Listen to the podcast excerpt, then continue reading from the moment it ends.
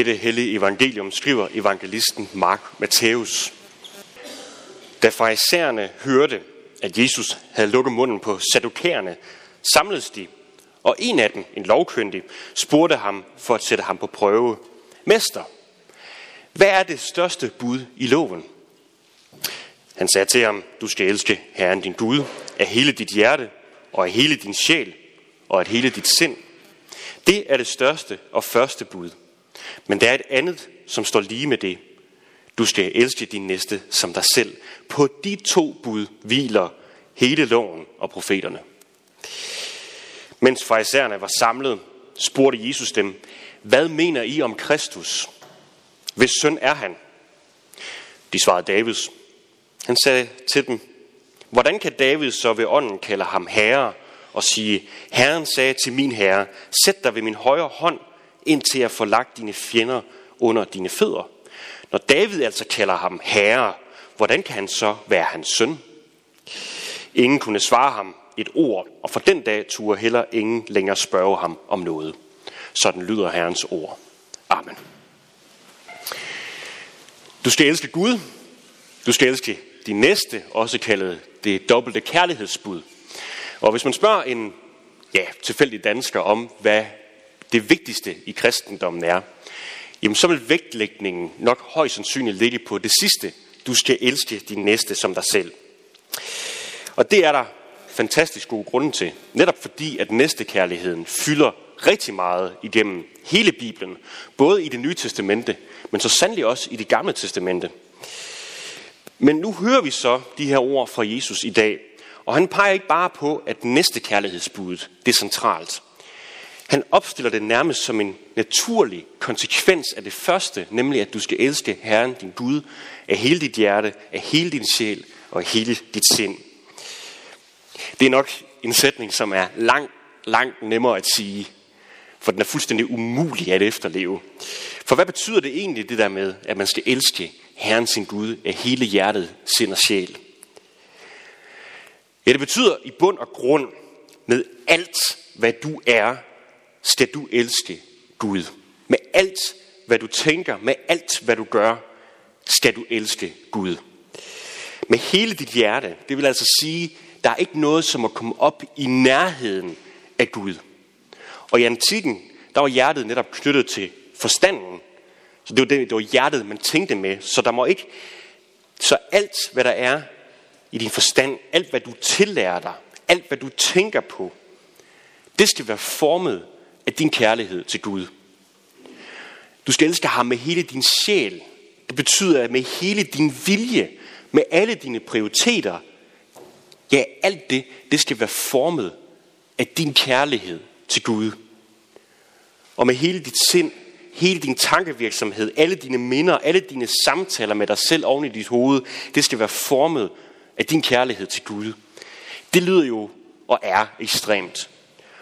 Og ja, som Augustin han også siger det, der er intet hjørne i din personlighed, som du kan holde Gud ude for. Der er intet hjørne i din personlighed, hvor du kan holde Gud udenfor med rette. Så alt hvad du er, det skal være rettet mod Gud. Og hvis der blot er en lille ting, som ikke er det, ja, så overtræder vi det første og det største bud i loven. Og, det, og til det bud, så kommer så det her krav om, at vi skal elske vores næste som os selv. Så det betyder altså, når vi fejler i at elske ham eller hende, som vi egentlig ikke rigtig bryder os om, ja, så er det faktisk et klart tegn på, at vi heller ikke elsker Gud, som vi bør elske ham.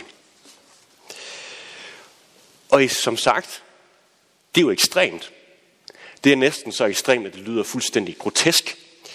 Forestil jer, at jeg satte et krav op til jer, at jeg skal være jeres yndlingspræst. I må ikke have lov til at have nogle sjælesøjse samtaler andre med mig, og I skal helst bedst kunne lide mine gudstjenester. Der bliver grinet en lille smule. Men bare det, bare det krav, det er jo pebernødder ved siden af det krav, som Jesus han siger, at den måde, vi skal elske Gud på. Det er jo ingenting i forhold til det. Men selv sådan et, om jeg så må sige, et lille krav, som at jeg skal være jeres yndlingspræst, der vil vi jo tage afstand og sige, okay, det skal han så overhovedet ikke være. Og det gode råd, hvis der er, at nogen kræver jeres kærlighed, det er, skynd jer væk fra de mennesker. Men hvorfor anbefaler vi så ikke det samme over for Gud? Hvorfor anbefaler vi at blive hos ham? Han kræver vores kærlighed til et ekstremt niveau. Hvorfor har jøder og kristne så igennem tusinde år alligevel holdt sig til ham og egentlig anerkendt det bud som noget, der er efterfølgelsesværdigt? Ja, det har at gøre med, hvem det er, som giver os det bud. Hvem det er, der siger de her ord. Og i bund og grund, så er det at gøre med, hvem det er, Gud er, og hvem det er, vi er i forhold til ham. Det første, som vi siger og har lige sagt i trosbekendelsen, det er, at Gud, han er almægtig. Han er almægtig, og han er altings skaber. Og det vil sige meget, meget grundlæggende, at vi, alting, vi er skabt af ham. Når vi læser Bibelen, og læser, hvad den her skabelse, det betyder for os, ja, så ser vi netop, at intet menneske er skabt til blot at kunne være sig selv. At vi skal passe os selv og indrette vores liv, som vi nu engang synes, det skal være. Vi er skabt til fællesskabet med Gud. Vi er skabt af hans hånd, og de første mennesker levede i den perfekte harmoni med Gud, og alting var godt. Det fællesskab, det fællesskab, som vi er skabt til at være i, det er så nært, det er så intimt, at det netop kan sammenlignes med ægteskabet. Den intimitet og det bånd, som er blevet etableret der, det gør, at hvis jeg vender mig væk fra min ægtefælle, jamen, så er jeg brudt mit løfte. Så er jeg utro. Og yderste konsekvens giver det også Sissel ret til at handle på de konsekvenser, som det giver. Forskellen på mit ægteskab med Sissel og forholdet til, til Gud, det er, at jeg er ikke skabt til, at jeg kun kan høre sammen med Sissel. Jeg har valgt sammen med hende, at vi skal leve sammen med mit forhold til Gud. Det er jeg skabt til. Og det ligger fuldstændig indkodet inde i min DNA og i min personlighed, at jeg som menneske skal leve der, skal leve sammen med ham. Og hvis jeg ikke gør det, jeg skår jeg i sidste ende i stykker. Det er også derfor, at rigtig mange, som kommer til tro på Gud, oplever, at de på en eller anden måde falder til ro. Der er simpelthen en ro, der er en kamp, en længsel, som bliver stillet, når man omvender sig og tror på Jesus. De gamle kirkefædre, de kalder det for et, et treenigt formet hul i mennesket. Altså det er lidt ligesom et puslespil, hvor der er rigtig mange brikker. Men den afgørende brik, den der får det hele til at hænge sammen i vores liv, den er formet som den treenige Gud. Og det er kun ham, der passer ind i os der. Men på grund af syndefaldet, på grund af synden i os, der gør det, at vi forsøger at stoppe alt muligt andet ned i det hul der. Men hvad sker der, når vi tager en brik i et puslespil og forsøger at tvinge sammen med en brik, der ikke passer til den? Ja, brikken går i stykker.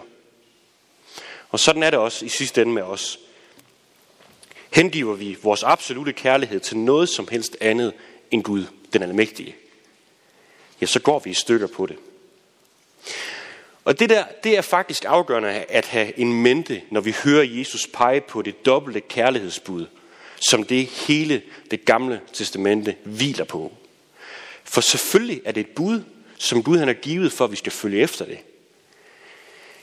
Men det er mere end bare et bud.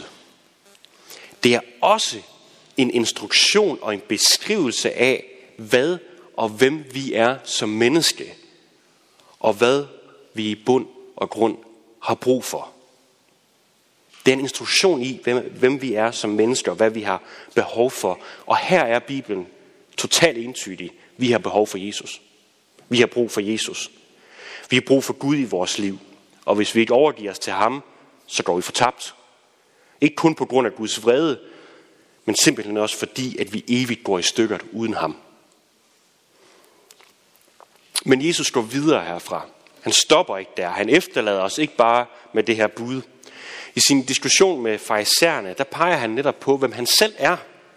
Hvorfor han har lov til at sætte de her bud op ved siden af hinanden, og hvorfor det er, at man skal høre på ham. Og det er fordi Jesus, det er ham, som Gud siger til, sæt dig ved min højre hånd. Sæt dig her, for du er lige med mig. Måske kan I huske forældre, at der blev spurgt, hvem er lige med Herren? Ja, det er Jesus Kristus, som også selv er Herren. Jesus er Gud. Jesus er den største. Han er så stor, at selv det uendelige univers kan ikke rumme hans fylde. Hvorfor er det relevant? Jo, det er det. Det er det netop fordi, så kommer vi tilbage til det grundlæggende spørgsmål om, hvem Gud er og hvem vi mennesker er i forhold til ham. For ja, det dobbelte kærlighedsbud, det er et bud, som vi skal følge. Og som jeg sagde lige før, så er det også en instruktion i, hvad det vil sige at være et menneske. Men når Jesus med det samme angiveligt skifter emne og begynder at tale om sig selv, så sætter han også det bud ind i en ramme. Teksten den indledes med at fortælle, at Jesus allerede havde lukket munden på en af de jødiske grupper, nemlig de såkaldte sadukærer, der var kendt for, at de ikke gik op i forventninger om, at der skulle komme en messias, og i øvrigt troede de heller ikke på de dødes opstandelse. Men nu er turen så kommet til de her meget mere fromme og meget mere rettroende farisæer. Nu er det deres tur til at blive lukket, få lukket munden. Og det gør Jesus ved at egentlig udvide forståelsen af den forventning, de havde til, hvad ham her, Messias, hvad han skulle være. De forventede, at han skulle være en held, en udfrier, ja, en frelser. Men den Messias, som Gud har lovet, han er meget mere end det. Han er Gud selv. Han er nemlig en del af den treenige Gud. Gud fader siger til Guds søn, sæt dig ved min højre hånd, indtil jeg får lagt dine fjender under dine fødder. Og des mere vi lærer Jesus at kende, når vi læser evangelierne i det nye testamente, så bliver det også tydeligt for os, at det her første og største bud i loven, det er ikke bare noget, han bare har givet os. Det er ikke noget, han bare har givet til os mennesker. Og så sagt, gå nu ud og find ud af, hvordan I gør det. Nej, Jesus Kristus, Guds søn, han levede selv efter det dobbelte kærlighedsbud. Og på den måde, der bliver det dobbelte kærlighedsbud netop en beskrivelse af den dynamik, som er inde i det inderste, kærle, inderste kerne af Gud den almægtige selv. Derfor er det også det største og første bud. Så det betyder altså, at den Gud, som ubetinget, som kræver den ubetingede og ubesmittede kærlighed af os, han er ikke bare en Gud, der står på afstand og peger og kommanderer og fordømmer. Nej, han er den Gud, som selv har efterlevet de love, han har givet. Og ikke nok med det. Han er den Gud, som også har opfyldt dem. Og han er den Gud, som har valgt at elske os mennesker med hele sit væsen og alt, hvad han er. Den udødelige Gud. Den udødelige og evige Gud, han valgte at elske sin skabning så meget, at han døde for os. Når vi skal flygte fra mennesker, som kræver vores absolute kærlighed, så er det fordi, at når det krav kommer fra et menneske, så er det ikke født ud af næste kærlighed. Det er født ud af magtbegær og egoisme. Det er født ud af ondskab. Og her er Gud grundlæggende anderledes, for når han stiller det bud for os, så er det et udtryk for hans dybe kærlighed til os. For den Gud, som byder os at elske ham af hele vores hjerte, sjæl og sind, det er den samme Gud, som døde på korset for os, for at gøre det fællesskab, hvor vi elsker ham med hele vores hjerte, sind og sjæl, at gøre det muligt. For når vi tror på ham, så vil vi i kraft af hans død og opstandelse, der vil vi, der vil vi blive gjort retfærdige. Så er utroskabet det er lagt bag os. Og så vil vi igennem hans nåde vokse i enhed med ham og i hellighed med ham. Og som der står et sted en dag, så skal vi se Jesus ansigt til ansigt. Og så skal vi blive ligesom ham. Nogle gange så kan vi komme til at formulere de her krav fra Gud af på en måde, som ligesom skal pige vores dårlige samvittighed. Kan du ikke se, hvad det er, han har gjort for, for dig? Du bør da elske ham så. Og selvom ordene sådan set er korrekte nok, og sætningerne, sætninger ikke fejler noget, så er det ikke den dårlige samvittighed, som Guds kærlighed og Jesus korsdød har til hensigt at frembringe hos os. Nej, det er kærlighed til Gud og Guds frygt. Se på ham. Se på, hvad det er, han har gjort. Han har valgt at blive din frelser ved at betale den ultimative pris for dig. Han efterlod dig ikke med kravet, når han banede en vej for at opfylde det her bud for dig. For efterlades vi alene med Guds bud, jamen så går vi under. Og selv hvis vi ikke vil have noget med det bud at gøre, jamen så bliver jagten og den byrde, det er at være vores egen lykkesmed, den bliver ubærlig. For det er ubærligt at være vores egen skaber og frelser. Så elsk ham i stedet for at rette din absolute kærlighed på noget andet, som alligevel ikke kan give dig noget.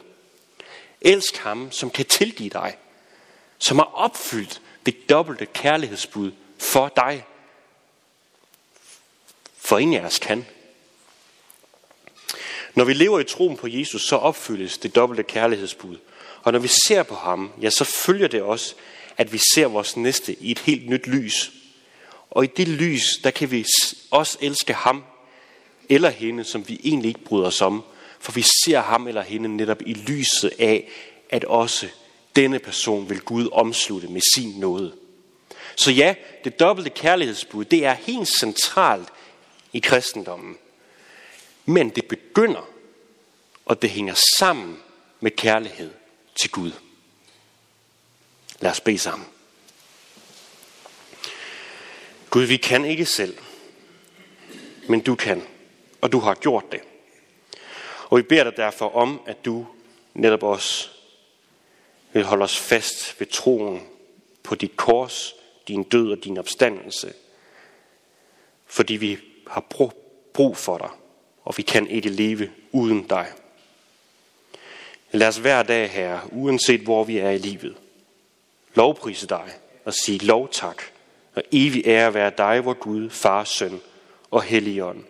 Du som var, er og bliver en sand treenig Gud, højlovet, fra første begyndelse, nu og i al evighed. Amen. Og Herre Jesu Kristi nåde, Guds kærlighed og Helligåndens fællesskab være med os alle. Amen.